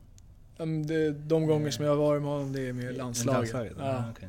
riktigt rolig figur. Okej. Vi bodde tillsammans under OS också nu. Aha, okej. Så bodde jag, Jocke, Per och sen så Johan Fransson Okej. i OS-byn tillsammans. Eh, Jag såg något klipp med honom från en omklädningsrum. Han verkar, när han härmade lagkamrater eller vad det var, hur de spelar. Åh, oh, det berättade han. Ja. Han sa han varit helt slut efter en sån där. På tal om lagkamrater förresten och det vi pratade om eh, med eh, din fru. Hur var eh, gänget här? När du tog time-out och så och berättade. Eh, nej men de var... De stöttade och supportade liksom. Och hade full förståelse. Känns det som och det tror jag det var. Ehm, och sen... Ehm, det var så skönt för när, man, när vi kom tillbaka, när jag kom tillbaka, när vi kom tillbaka som familj så var det liksom... Det var nästan liksom för mig i, det är inget konstigt så här, utan jag tror de flesta förstod liksom. Och inte ge mig space men liksom allt eftersom liksom vågar de flesta liksom fråga hur det var och så här tror jag. Mm. Så det var inte så konstigt egentligen kändes det som. Det var en skön, eh, vad ska man säga, period att komma tillbaks till. Mm. För Jocke sa när jag frågade honom innan, då sa han att eh, han var, det blev en sån himla boost när du kom tillbaks. Ja, ja så menar du? Nej ja. men också så här, han bara, vi, vi brydde oss väldigt mycket liksom när han var borta. Och så här, det Absolut. var många som tänkte på honom. Ja. Och när han kom tillbaka så blev det en sån himla så här, att man kunde sluta samman kring Ja, det. Liksom. ja absolut. Eh, det vart ju liksom, jag kände ju själv, det vart som skön energi Mm. i, i, i laget och i gruppen liksom. Ja, Då måste man känna sig omtyckt också. ja. kanske kvitto på det. Nej men, ja, Eh, nej men de har stöttat verkligen och alla har liksom ringt och frågat och messat och liksom. Eh, Så vi var enormt tacksamma. Har du blivit starstruck inom hockeyn någon gång? Mm. Och det tror jag att du har blivit. Ja, vad kommer du på någon själv eller? Nej men jag bara tänker att du har blivit det när du så här, försöker tänka. första NHL-match, alltså eftersom du Ja. kommer ihåg att du tekade mot Thornton. Ja men precis så sådana grejer. jag ju Jag- att du... Eller eh, tänker du mena liksom att jag liksom träffat någon så här? Nej, Nej. eller på isen att du bara wow, nu spelar jag mot... Ja men det var coolt att spela mot Crosby. Mm. Han var ju med Kanada då. Ja men typ såhär Thornton. Ta en tek mot han. Mm. Ta en tek mot Datsuk. Har du mött Jagr? Jag kommer inte ihåg vilket lag han var i när jag var Kings. Jo, ja, jo jag mötte han i eh, bronsmatchen som vi vann med i VM. Mm. Just det. Då var han med i Tjeckien. Enormt lång räckvidd. Ja. Stark. Men, eh, för det finns ju inte, det, jag det finns ju inte så här. Finns ingen motsvarighet till att eh, byta tröja ju. I ho- hockey. Som i fotboll? Nej, Nej, det skulle ju vara en rätt cool grej, men det skulle ju vara så det hade sett onödigt tidskrävande liksom. Ska man hålla på och knöla och ta av sig hjälmen? Du hade haft en bra samling då ju. Ja, om jag hade lyckats knipa åt med några sköna tröjor, absolut. Det hade jag nog haft. Men jag tror det var många... Det nog hade varit många innan som hade försökt att sno åt sig bra tröjor säkert. Eh, vilken eh, egenskap som hockeyspelare är din bästa? Att eh, kunna vaska fram målchanser från alla möjliga lägen skulle jag säga. Hur gör man det då? Spela på känsla. Ja. Eh, om du fick ta en egenskap från en annan spelare, vilken egenskap från vilken spelare? Oh. Eh, Jag hade nog velat ha Brett Hulls one-timer. Men då har du ju ändå redan ett bra skott. Ja, är det inte bättre då, att ta Ja, men då hade jag velat ha... Plus att du vill bli målvakt, tänk på det. Ja, nej men jag hade nog velat ha flowet som Datsuk har när han liksom var i sin prime time i Detroit där. Mm. Eh, Med pucken liksom. Skydda pucken och göra något helt oväntat bara. Sådär. mm. Hur många procent talang slash hårt arbete är du? Ska vi säga 60-40 hårt tränad. Alltså 60... Vad sa du? 60? 60 träning, Ja, 60 träning, 40 talang. alltså... Som jag skulle säga mig själv. Ja. För, alltså det finns så många talangfulla spelare som inte har tagit sig hela vägen på grund av att de har inte orkat lägga ner energin på det. Men du gjorde ju massa poäng som 14-åring bland 18-åringar har vi precis konstaterat. Då, då hade du inte ens hunnit träna så mycket. Jo, eller om man räknar liksom antal timmar man var på streethockeyplanen. Då var man ju 12 timmar om dygnet. Vilken jävla promo-grej för eh, street hockey det här. Ja, jag vet inte. Ja, Inline-hockey, eller vad man säger. Eh, hade du någon favorithockeybild när du var liten? Samla kort liksom. Mm. Mm. Hade någon på Eddie the Eagle. Mm.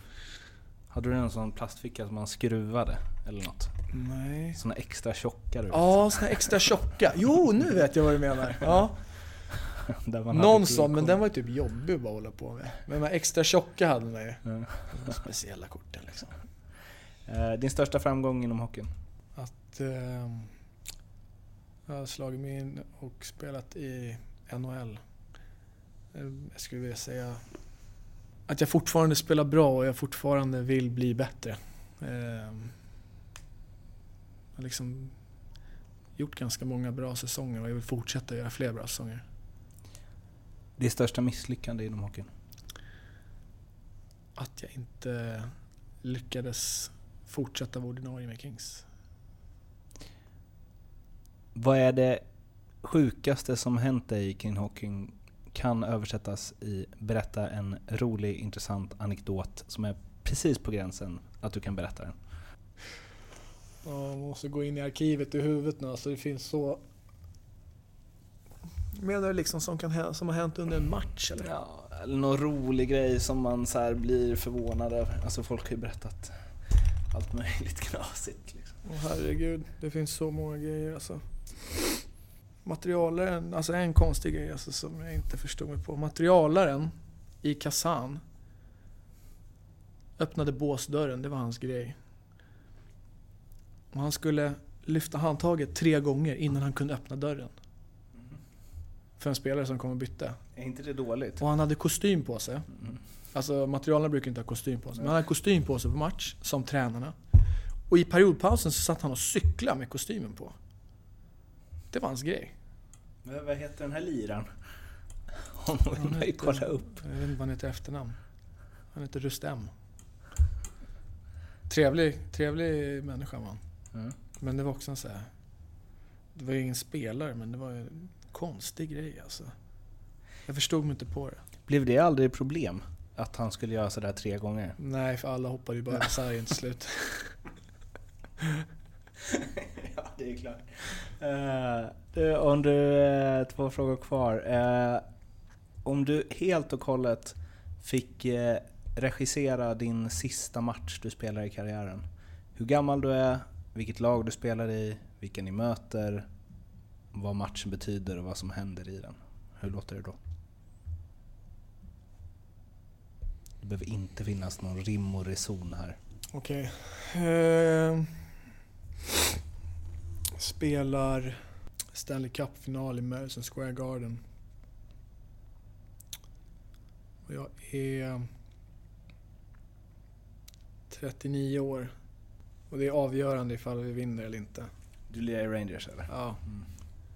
Och publiken bara står och ropar mitt namn. King Oscar. Ja men de, det finns ju kung Henrik där redan. Får- Alla har glömt honom. De får kalla mig för Oscar the Grouch. Den där gröna gubben som bor i papperskorgen. Och vi vinner. Vi vinner Stanley Cup. Avgör du eller? Nej, assar. Asså, Ja. okej. Till Jocke Lindström. Möjligtvis. Ja. Betalar tillbaka. Men då är han, då är han närmare 50 skulle jag säga.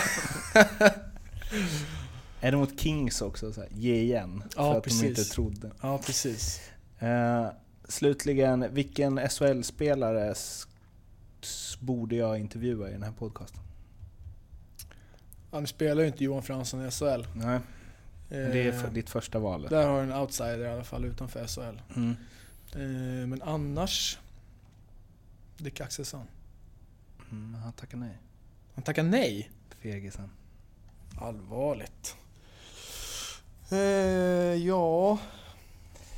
Vet du? Ja, Den, är den enda som har tackat nej. den enda jag säger också. Liksom. Mm.